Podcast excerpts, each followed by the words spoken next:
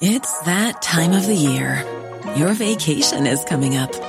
You can already hear the beach waves, feel the warm breeze, relax, and think about work.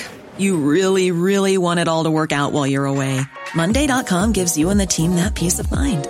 When all work is on one platform and everyone's in sync, things just flow wherever you are. Tap the banner to go to Monday.com.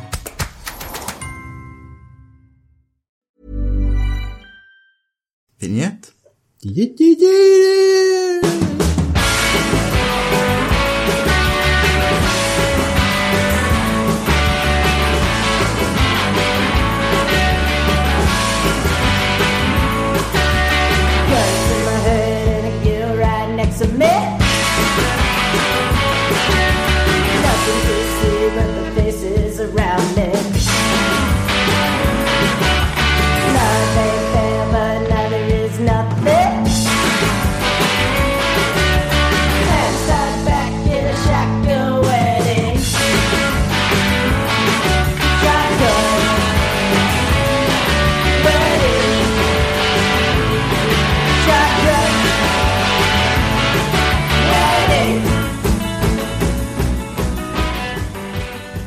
Och välkomna till Indiepodden 57. Vi ska idag gå igenom lite vad Linus Lundqvist har för sig och vi ska också gå igenom vad som händer i helgen i Daytona i Florida i USA. Vi har nämligen ett 24 timmars lopp vi kan snacka upp.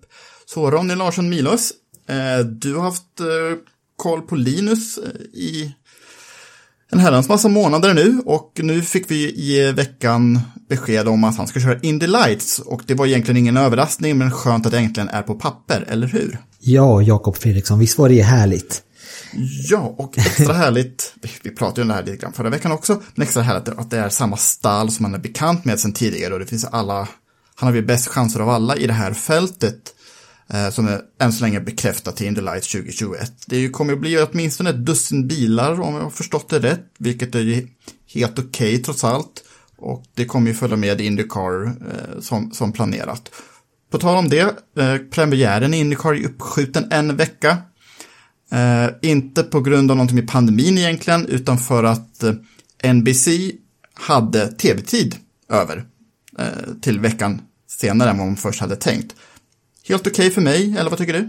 Ja, nej men det skadar väl inte att ha, om de, om de har möjlighet att få en större tv-publik för att man flyttar det en helg så varför inte? Det, har hänt, det, är värre saker som pågår i världen just nu så att eh, det, det tycker jag. Det, det, som är, det som är roligt här nu det är att vi har ju eh, faktiskt Linus med oss i podden nästa vecka. Så att jag tänkte att vi drar igång en liten frågetråd i våra sociala medier på Facebook och Instagram och på Twitter. Så ni lyssnare kan ställa era frågor till honom här nu. Eh, för fram till helgen har ni på er att göra det då. Så kan vi ju dra dem till honom direkt. Ja, det ska vi fixa på en gång förstås. Också, vi har ett eh, bonusklipp som vi fick av eh, Linus eh, presskontakt Mattias Persson som vi också ska bjussa, bjussa er på. Så vi kan väl ta och lyssna igenom det, vad eh, Linus första reaktioner på sin glada nyhet var. Ja, Linus. Klar alltså nu för Indy Lights presented by Cooper Tires. Det sista steget på den amerikanska formelbilstegen mot kungaklassen Indycar.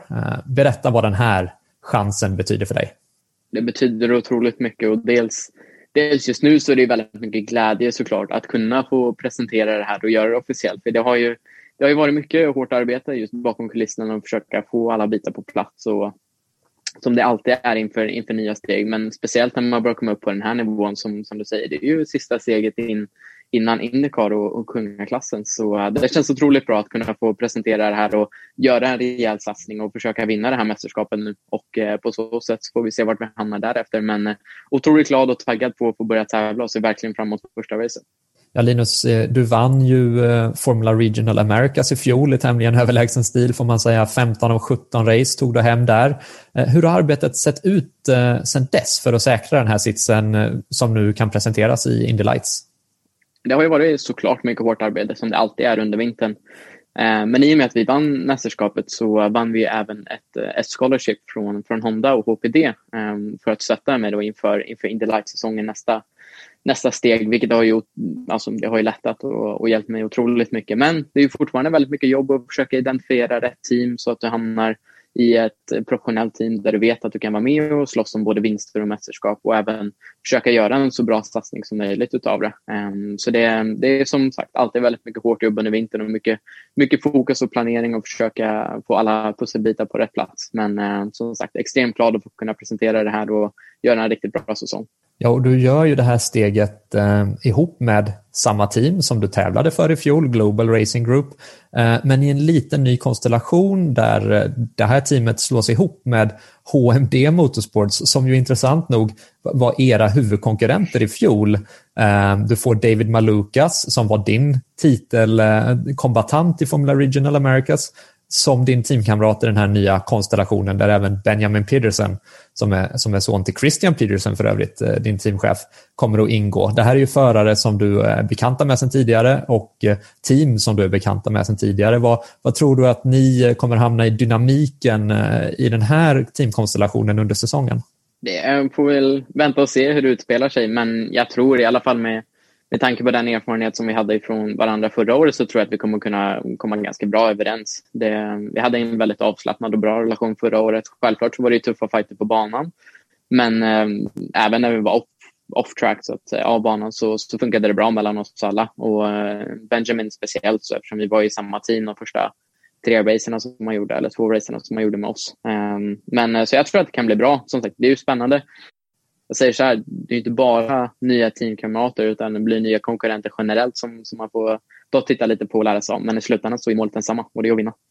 Vad vet du idag om eh, konkurrensen i Indy Lights så som det ser ut? Det här ser ut att på förhand kunna bli um, en av de starkare Indy Lights-säsongerna som vi har sett de senaste fem sex åren på pappret. Vad, vad, vet du själv om den konkurrens som väntar?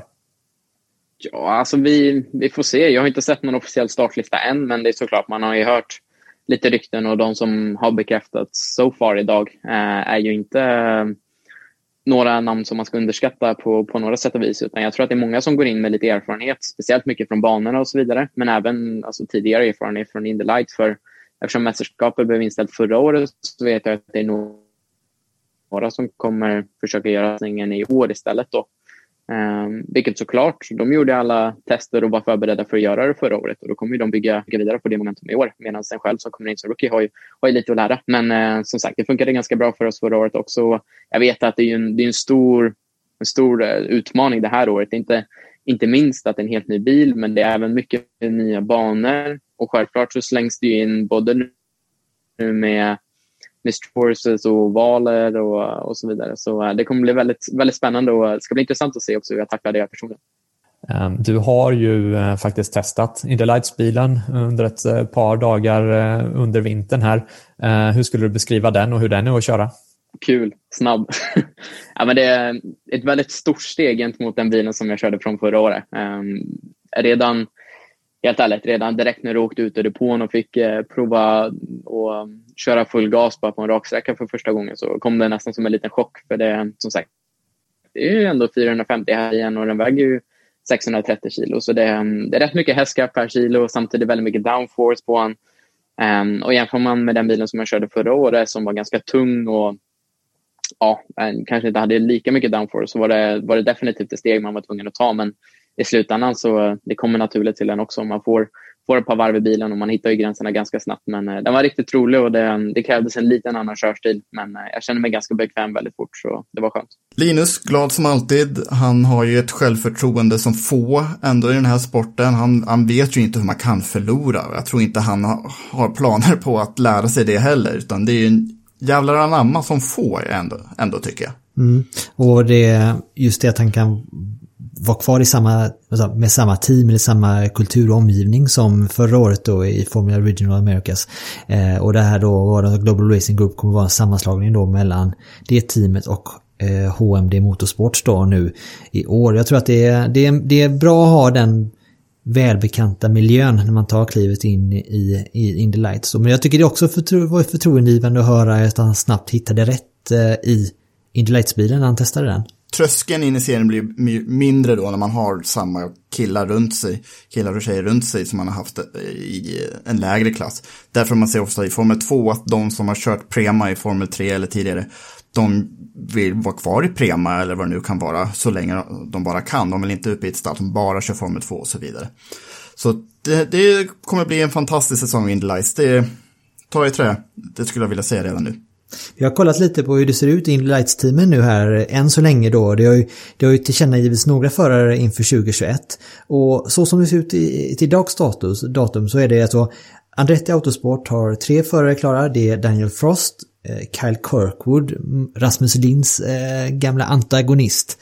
Eh, och så Robert McGennis. Eh, och så har vi Global Racing Group då som har slagits ihop med HMD och som sagt. Eh, de har David Malukas och så Linus Lundqvist och då Benjamin Pedersen, det var det de pratade om i, eh, under intervjun där. Och så har vi Hunkos Racing då, gjorde klart med Toby Sowery nu här, eh, precis bara för några timmar sedan. Och så har de sedan tidigare då Stingray Rob, också en gammal Rasmus Lind-antagonist på plats då. Så att det finns ju ändå, jag vet inte hur många team det kommer vara med till nästa säsong, men det finns ju fortfarande en del platser kvar att fylla. Och där hoppas vi att Rasmus Lind ska kliva in och, och haffa en plats. Ja, och då nämnde du inte ens Carlin som har tagit med Alex Peroni som är från Formel 3 som har ju kört ganska fint där i inte jättebra material. Eh, Så det finns åtminstone ett par platser kvar och eh, det var ju Rasmus Linds ambition inför 2021 och det är det nog fortfarande. Det är, det är nog många som vill åt de platserna men Rasmus är ju, är ju menad för, för Indy Lights, eller hur? Ja, det står ju, eh, ja, ja nej men det har han ju, han föddes med en Light-styrning i, eh, jag vet inte vad man ska säga. Ja, det var, det, ja, det, jag håller helt och hållet med dig. Indy, Indycar-styrning i sikte kanske. Ja, precis, precis. Via Lights. Men vi, eh, ja men vi har väl åter, anledning att följa upp detta mer eh, ju mer det lider, eh, såklart. Men vi kanske ska sätta en liten, liten pin i den just nu. Och så, som sagt, glöm inte att gå in och ställa era frågor till, i frågetråden till Nils Lundqvist som vi drar igång typ, typ nu. Eh, helt enkelt. Så ställer vi de frågorna i nästa vecka.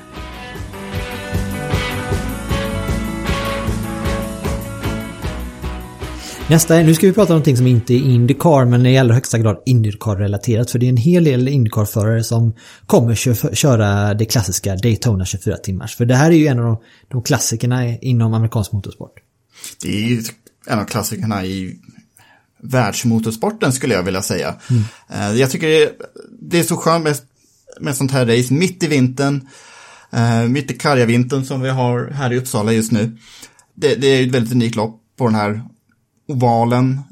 har man ju byggt en road course eh, mitt i. Och det här har ju varit en klassiker sedan 60-talet.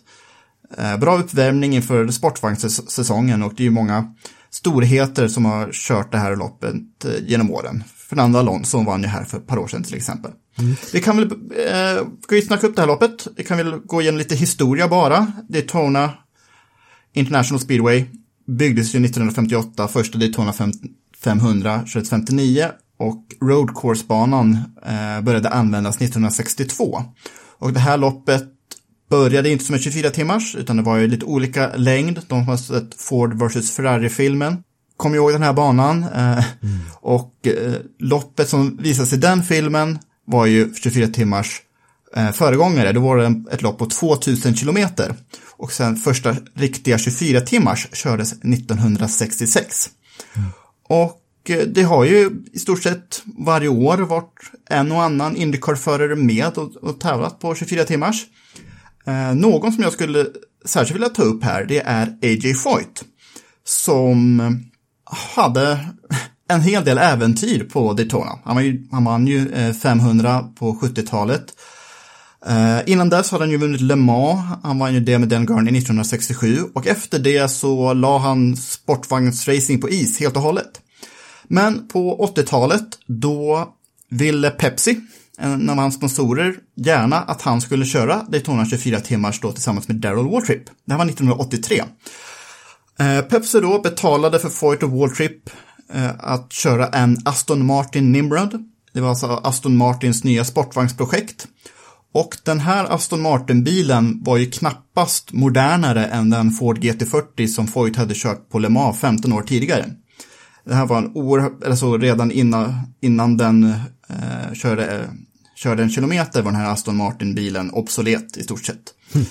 Eh, och den var inte tillförlitlig heller, så bilen bröt väldigt tidigt under loppet. Och Foyt hann knappt sitta i bilen innan den eh, sa sin sista suck. Men då fick eh, ledaren av loppet, en man som heter Preston Henn, som drev ett eget stall, eh, hade en Porsche 935, en sån här Moby Dick, jätteextrem eh, GT-bil. Eh, han tyckte då att eh, äh, vi sätter in Foyt i min bil istället för mig själv. Den här bilen som Preston Hen hade anmält ledde loppet tack vare Bob Wollek, en legendarisk sportvagnsförare från Frankrike som var mitt under 80-talet då en av de absolut bästa sportvagnsförarna som eh, fanns. Mm. Eh, Wollek hade ju egenhändigt dragit upp den här bilen i ledningen, eh, hade mycket erfaren erfarenhet av Porsche 935-or, eh, kom ihåg jättestor turbo, 800 hästkrafter, extrem ketchup-effekt. Så när Wollek då fick nys om att hans stallchef ville peta in Foyt i bilen, då blir Wollek rosenrasande. För att Foyt hade inte kört sportvagn på 15 år. Hade, han hade förmodligen inte kört i regn på 15 år, för det hade börjat regna mitt under loppet. Så Wollek liksom sa, det här är ju idiotiskt, vi kommer ju offra det här loppet bara för Prestons PR-kupp att sätta in A.J. Foyt i bilen. Eh, så om Foyt sätter sig i bilen så säger jag upp mig. Vilket fall som helst, Foyt satte sig, upp, äh, satte sig i bilen. Äh, han körde iväg i regnet mitt i natten och drygade ut ledningen. Äh, han trivdes som fisken i vattnet i den här jätteextrema Porsche 935. Eh, körde ifrån, drygade ut ledningen och var ju snabbast på banan under de, de timmar på den här regnruskiga fe februarimorgonen som det var. Hur gammal kan Eddie Voigt ha varit det här året? Han var väl då, han är född... 1833.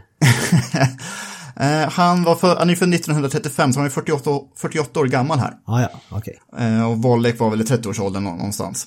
Och Wollek då, när han såg vad Foyt gjorde på banan, tänkte okej, okay, gubben kan köra ändå. och den här bilen då, Preston Hens Porsche 935 med Bob Wollek och A.J. Foyt, de gick ju och vann. Mm. och Wollek och Foyt, de fann varandra, eh, de blev bra polare. Så ett år senare, då var de eh, anmälda i samma bil redan från början. Eh, de kom tvåa i loppet.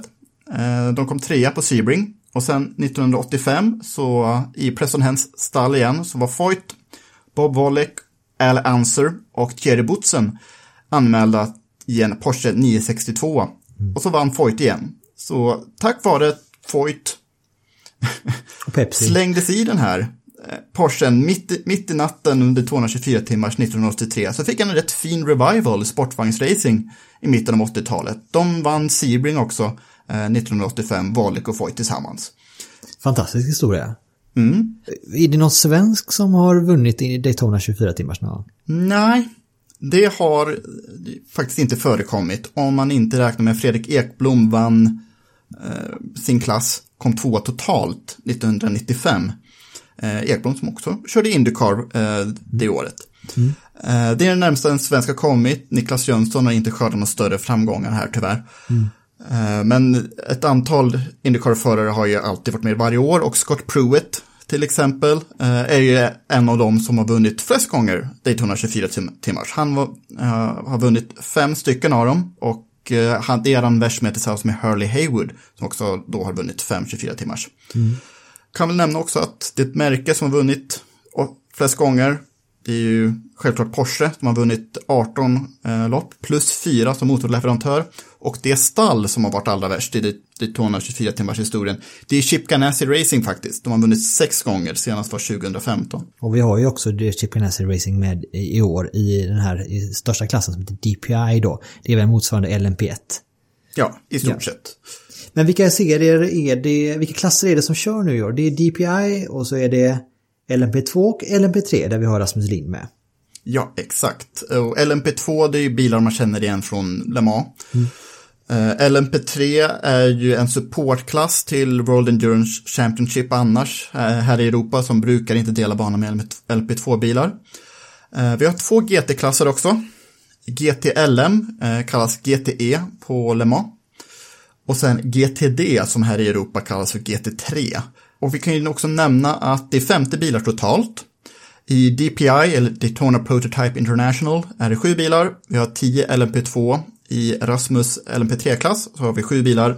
sex stycken GTLM-bilar och sen hela 20 bilar i GTD-klassen. Det, det kommer bli mycket trafik här. Eh, kan man minst säga. Vi kan väl gå igenom också en del intressanta namn som vi har här. För Ja, det, I och med att det bara är sju bilar i DPI-klassen och den största klassen så kan de, vi kan ju dra alla, alla de förarna för det är ju väldigt många namnkunniga namn där och sen så kanske vi kan dra några höjdpunkter. Kanske med Indycar-koppling i de övriga klasserna. Ja, för DPI och GTLM, det är proffsklasserna. Mm. I de andra klasserna så måste man ha silver eller bronsförare, någon form av amatörförare med, i föraruppställningen. Men i DPI då är det bara proffs, så vi kan ju säga Chip Ganassis bil, eh, Scott Dixon, Kevin Magnussen och så Sportvagns S1 som har vunnit de två senaste åren, holländaren, holländaren eh, Renge van der Sande. I bil Cadillac nummer 5 av JDC Miller Motorsport så har vi Sebastian Bourdais, eh, Tristan Vautier som har kört Indycar eh, tidigare och DTM-meriterade och sportvagnsmeriterade Louis Duval. Eh, fjolårsvinnarna Wayne, Wayne Taylor Racing, de har hoppat från Cadillac, kör i år en Acura. Eh, de har ju Alexander Rossi, Halo Castroneves, Ricky Taylor och Philip Albuquerque. Vi har ju fjolårets Nascar-mästare Chase Elliott i Wheeland Engineerings eh, nummer 31, också en, eh, det är en Cadillac. Och Elliot körde tillsammans med Felipe Nasser, honom känner vi igen. Pipo Derani och så Mike Conway som har vunnit eh, Long Beach Indycar-lopp eh, eh, för några år sedan. Då kan vi också säga det att i den här helgen som gick här nu så körde man ju någonting som heter Roar Before the 24.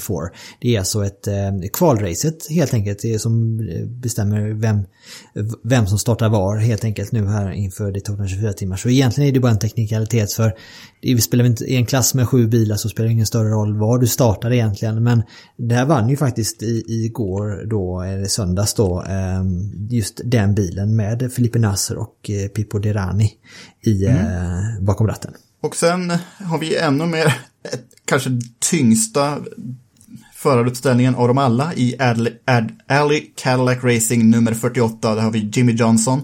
Och det här var ju på hans bucket list eh, att, att köra efter NASCAR-karriären och eh, han har kört här tidigare, ska man i och för sig inte, inte glömma bort. Och Johnson körde tillsammans med Kamui Kobayashi, Japans senast tunga, senaste tunga Formel 1-förare, varvrekordshållare på Le Mans. Simon Pagenaud har ju vunnit Indy 500 och Indycar. Och sen har Mike Rockenfeller som har vunnit Le Mans och DTM. Så det är en rätt tung bil det där. Ja, den där ser ut att vara en av favor- måste, vara en, måste nästan vara favoriten va? Fast det var väl poängen här, att alla sju bilar är favoriter på något sätt. Ja, okej. Ja, på- vilket sätt då?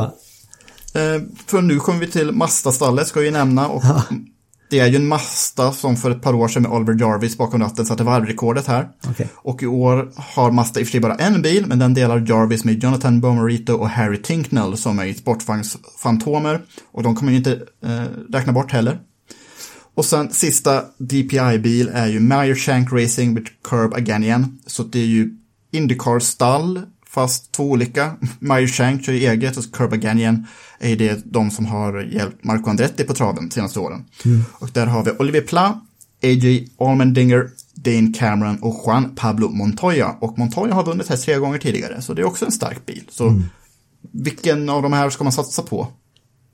Nej, det, det är väl och så, så osäkert ändå som det är eh, under ett 24 timmars lopp. Så ja, nej, jag, jag köper det, att det inte går att sätta någon klar favorit där. Men det är ju roligt att det är så många namnkunniga med här och inte bara alltså, namnkunniga förut utan även alltså, levande legender.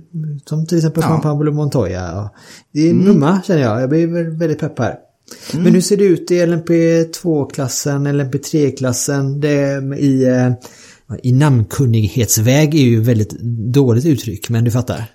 Ja, det, det är alltid lite svårare att tippa de här amatörklasserna för när det finns liksom en förare per bil som är wildcard och då är inte, kanske inte på det bästa sättet. Men till exempel, vi har Robert Kubica i bil nummer 20, LMP2. Eh, I LMP3 så har vi eh, Oliver Askew och Spencer Piggott delar på bil nummer 74.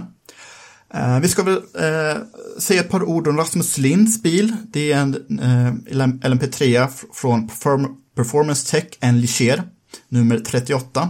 Och han delar bilen med de två yngsta förarna i fältet, Matteo Larena och Ayrton Ori. 16 år Ayrton. gamla bara va? Ja, Ayrton, det namnet har man ju hört förut. Kanske är döpt efter någon, någon vis. Eh, men det kanske betyder också att det i alla fall är motorsport i familjen hos Ayrton och Ri. Och Cameron Castles som eh, Rasmus Lind kände efter att de delat bil tidigare. Alltså Castles och Lind delar på bilen under det här Roar 4024. Eh, Eh, hur gick det där då Ronny?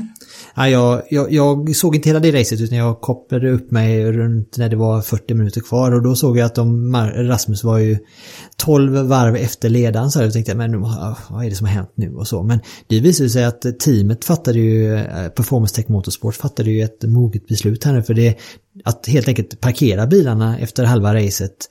Eh, trots att Rasmus väl var, de, de var i ledningen helt enkelt. Eh, Mm.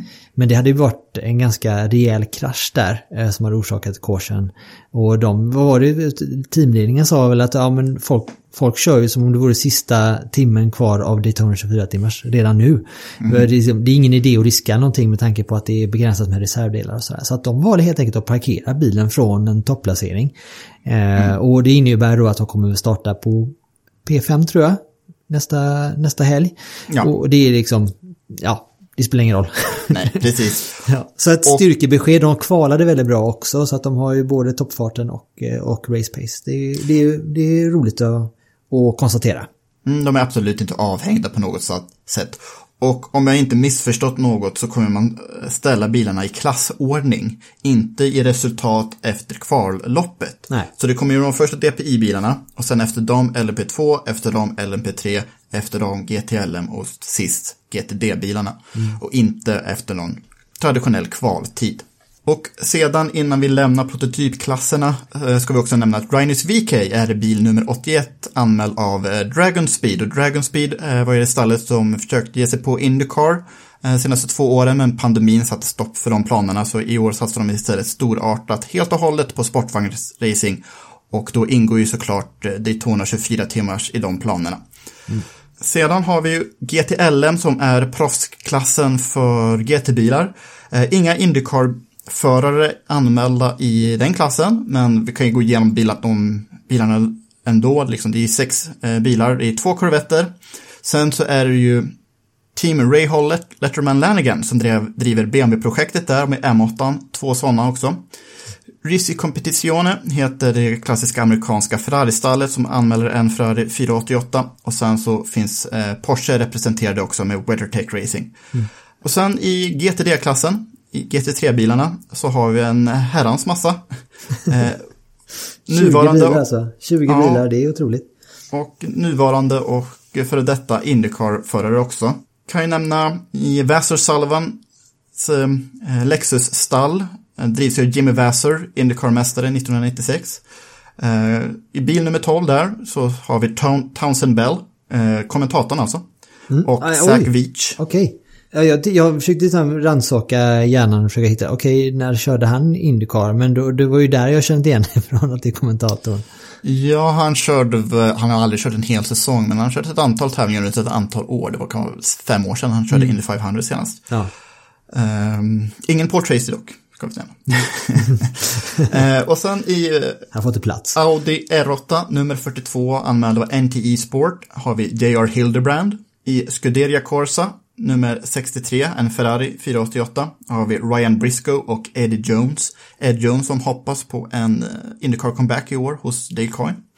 Och sen eh, fjolårssegraren i GTLM fa- faktiskt. I Turner Motorsport BMW M6 nummer 96 har vi Colton Herta. Och det är en av Indypoddens eh, favoriter.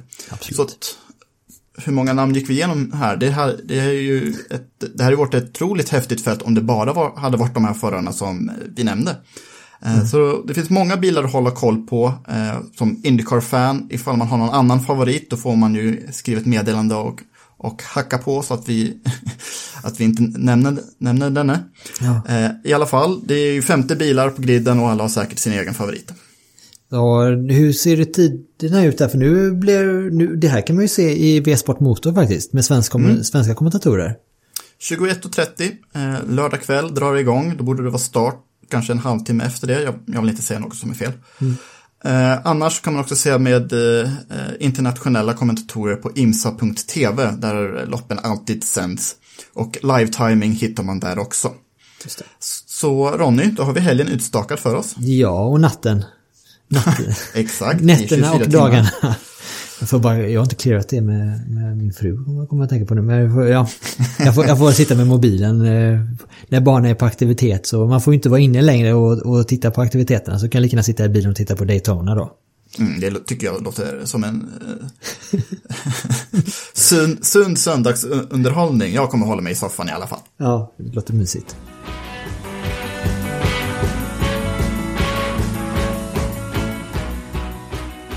Så det här, det här Ronny blev ju en Indiepodden lite off topic, eller ja, vi pratar ju motorsport i, i, i stort den här gången.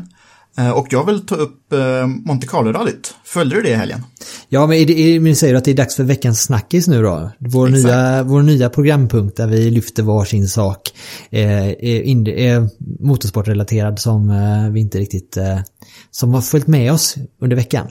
Mm. Ja, men börjar du? Alltså, Monte Carlo-rallyt är också en vinterklassiker. Jag tycker rally är en vintersport för mig. Eh, kanske inte så konstigt när man är från Sverige. Eh, Sebastian Ogier vann ju föga förvånande och jag tycker han är en lustig figur för han verkar lite, som, lite motvillig. Han har ju sagt ett antal gånger att han ska lägga ner och sen övertalas han att köra en säsong till och sen så vinner han. Eh, men för eh, svensk synpunkt så har vi ju en supertalang i rallyvärlden nu. Svensk-norsk i alla fall. Eh, Oliver Solberg, 19-åring, eh, låg ju två i sin klass fram till sista sträckan när han körde av. Hur lång tid tror du det tar innan han sitter i en riktig VRC-bil? Det är väl en sån här som tar en säsong på sig innan man sitter i en riktig VRC-bil. Ja, han är så varm i kläderna på eh, första försöket verkar det som. Första försöket i, i Monte Carlo som nog är det svåraste rallyt. Han har inte kört så mycket eh, på asfalt tidigare alls. Eh, men han kör ju 17 av dem som har mångårig erfarenhet i samma slags bilar. Om inte ett av VRC-stallen redan plockat upp honom som adept så är det nog bara en tidsfråga.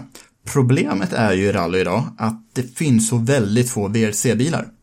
Det är ju bara M-Sport Ford som har det rätt knackigt nu.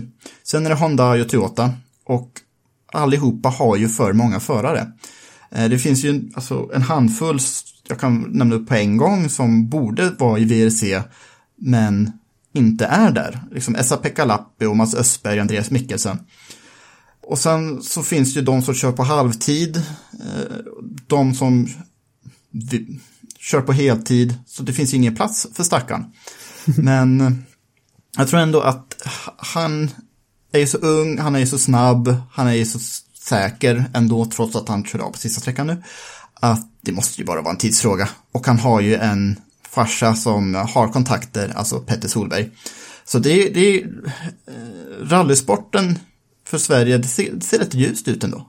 Men det är väl, familjen Solberg är väl eh, VRCs eller rallyvärldens motsvarighet till eh, Verstappens helt enkelt. Där det liksom varit utstakat från första början att eh, sonen ska köra, köra toppklassen här nu. Så att de, de lär sig hitta en väg framåt. Men det är, det är kul med sådana prodigies när de eh, kommer fram. Och det är ju ännu roligare då att det är någon form av nordisk eh, och så svensk-norsk koppling då helt enkelt. Det, är ja, spännande att följa.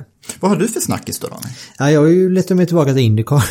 Ja, okej, ja men cirkeln är Är det sluten. okej? jag tycker jag, ja. Men det är ju, ehm, jag vet inte om ni såg det i, eh, i veckan här nu med, men Rick Ware Racing eh, tweetade ut eh, en, typ fulltid för bil nummer 51 eh, i Indycar eh, 2021 liksom. Det, det, var, det var ju en tweet som kom ut och så, åh, ett ytterligare ett heltidsteam då i Indycar 2021, vad spännande. Och sen så tog den tweeten bort. Och, eh, men sen kommer den tillbaka igen. och det jag inte kunnat släppa det är ju alltså Dale Coyne Racing då eh, som ju, körde väl tillsammans eller i partnerskap med Rick Ware Racing förra Indy 500. Men vad var det som körde i den bilen då? Det var James Davis som var det. Ja, bromsskivan som exploderade där ju. Ja, det är spektakulärt. Sex varv blev det då. Eh, Eh, och det som är lite grejen här det är ju att oftast är det ju som så att om detta är då i en partner då tillsammans med det stora teamet Dale Racing så brukar ju alltid vara det stora teamet som tillkännager den här typen av samarbeten. Eh, nu var det ju, eh, ja, did they jump the gun som man säger. Um, Rick Ware och Jason var Racing och det var därför de ta bort det och sen var det kanske för sent så därför la de dit igen då. Men jag har inte kunnat släppa det att eh, vad, vad innebär detta? Är det precis det de säger att det kommer bli heltid 2021 eller är det någonstans mittemellan där? Jag tror de är väldigt nära att säga någonting på riktigt. Eh, Det här är ju ändå ett stall som satsar mycket. Eh, Rick Ware själv brinner verkligen för racing. Han har ju också bakgrund som förare och har ju försökt komma in i Nascar Cup-serien ordentligt på senare år och i all möjlig motorsport. Deras Wikipedia-sida är väldigt lång, se- ser jag nu. Eh, Så att det finns ju driv bakom det här. Liksom, det, det, är, det är inget man ska tro är ett skämt.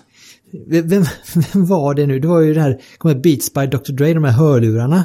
Där de, eh, det var ju så här jättehett och så skulle de ju säljas till Apple och det var superhemligt. Och då gick väl, var det inte Dr. Dre typ som släppte någon så här fylle-tweet eller fylle-meddelande på Facebook där han liksom tillkännagav affären innan den var i hamn om man säger så. Det var ju en miljardaffär liksom. Eh, och så hela, hela affären är på att gå i stöpet då. Hoppas inte det är någon sån här grej som sker här. Mm, det vore ju beklagligt. Det är lite annan nivå. Det är inte lika mycket pengar in- involverade. Det är mycket pengar men inte miljard, miljardbelopp. Om Nej. det vore det så vore det ju sensationellt. Men det, det, den här veckan nu kan det nog hända lite saker i form av tillkännagivanden. Så att eh, förhoppningsvis när vi spelar in nästa veckas podd så har vi lite, några fler namn kanske klara på, på startsgriden för 2021. Mm.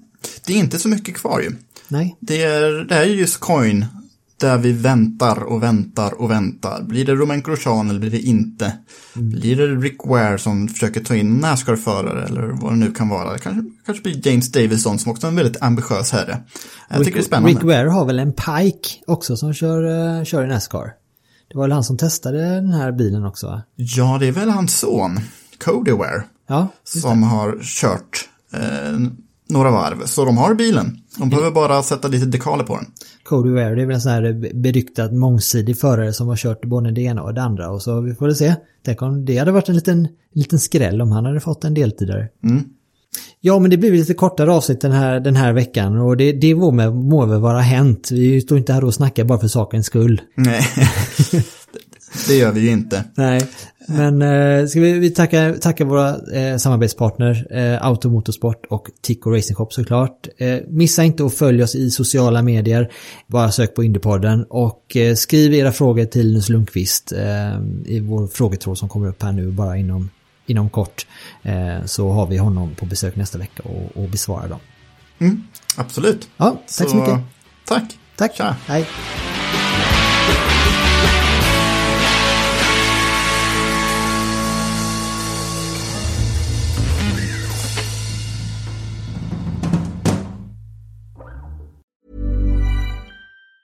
Normally, being a little extra can be a bit much, but when it comes to healthcare, it pays to be extra. And United Healthcare makes it easy with Health Protector Guard fixed indemnity insurance plans. Underwritten by Golden Rule Insurance Company, they supplement your primary plan, helping you manage out of pocket costs without the usual requirements and restrictions like deductibles and enrollment periods. So when it comes to covering your medical bills, you can feel good about being a little extra. Visit uh1.com to find the Health Protector Guard plan for you.